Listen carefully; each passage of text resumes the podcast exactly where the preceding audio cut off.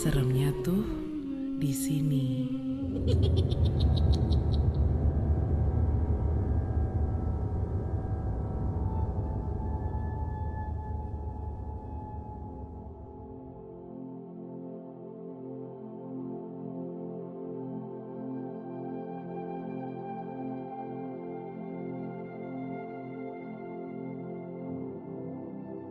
keluarga gue bakal pindah ke rumah baru. Berhubung di rumah gue ada lima personil, nyokap, bokap, dan tiga orang anak termasuk gue. Kebayang dong barang-barangnya tuh sebanyak apa. Belum lagi bokap, koleksinya tuh banyak barang-barang vintage.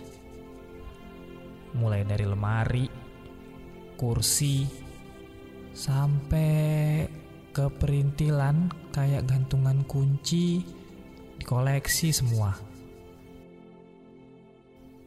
Gue sih pengen rumahnya aja yang dipindahin daripada harus packing barang-barang yang segini banyak. Pelan-pelan sebagian barang udah dipindahin ke rumah baru.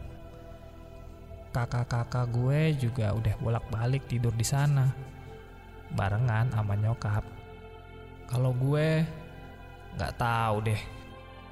Gue tuh orang yang paling berat buat ninggalin rumah ini. Sedih banget. Apa karena gue lahir di rumah ini ya? Jadi kayaknya tuh ada hubungan batin gitu. Tapi mau nggak mau, gue juga harus pindah. Ya, karena rumah ini udah kejual. Malam itu, semua keluarga gue tidur di rumah baru. Kecuali bokap yang lagi dinas di luar kota. Jadi, cuma gue sendirian deh di rumah ini. Biasanya, gue tidur jam 11 malam. Tapi nggak tahu kenapa malam ini tuh baru juga jam 8. Tapi gue udah ngerasa ngantuk banget. Akhirnya gue putusin buat tidur. ilegal di Singkawang, Kalimantan Barat disebabkan tidak stabilnya lokasi penambangan 18 orang tewas dalam Jam berapa ini? Setengah dua. Astaga, gue pikir udah subuh. Gak lama gue kebangun, tiba-tiba gue denger ada suara berbisik anak kecil. Tapi, kok anak kecil? Perasaan di rumah ini kan gue cuma sendirian. Di TV juga. Yang lagi gue pasang channel berita. Gue coba untuk nggak keganggu dengar suara anak kecil itu. Tapi nih ya, makin lama kok makin deket ya suaranya. Gue coba keluar kamar, cek ke kiri, ke kanan, gak ada siapa-siapa. Gue coba turun ke lantai bawah, tapi gak ada siapa-siapa juga. Aneh banget. Itu suara dari mana sih? Ah, udah deh.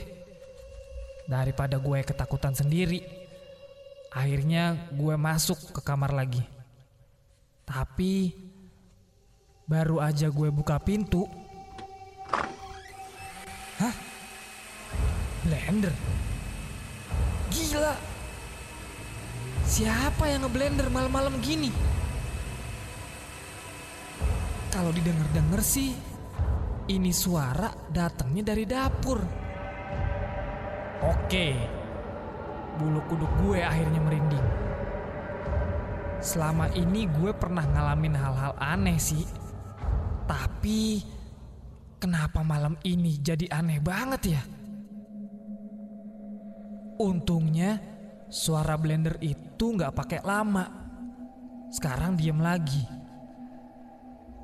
Gue buru-buru deh masuk ke kamar dan langsung ngumpet di bawah selimut. Semoga gue bisa cepet buat tidur lagi. baru juga berapa menit gue coba buat tidur. Tiba-tiba, ya Allah, apalagi sih ini? Siapa coba yang ngetok pintu kamar gue?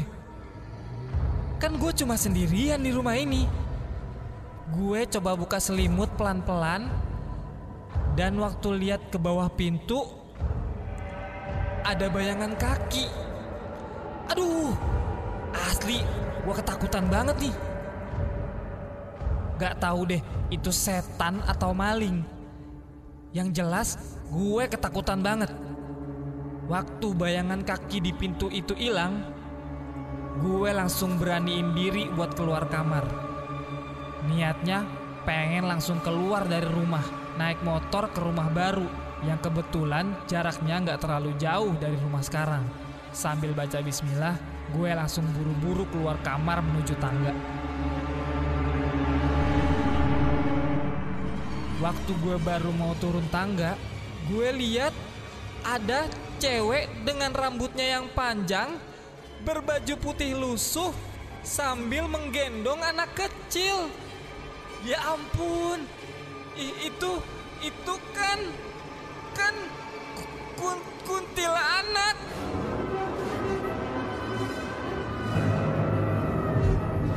Gue nggak tahu mau lewat mana lagi. Karena cuma tangga itu satu-satunya jalan keluar gue bisa keluar dari rumah ini. Mau balik ke kamar lagi, tapi kaki gue kerasa berat banget. Gak bisa digerakin. Mau balik badan aja tuh susah banget rasanya. Ya Allah, please singkirin setan di depan gue ini. Gue bener-bener takut. Gue pejemin mata, langsung aja gue merem sambil baca-baca semua doa yang gue tahu. Dan waktu gue buka mata, kuntilanak itu udah duduk di tengah tangga sambil ngeliat ke arah gue. Terus dia main-mainin rambutnya yang panjang. Dan a- a- a- anak kecil tadi, anak-anaknya itu udah ada di belakang punggung gue.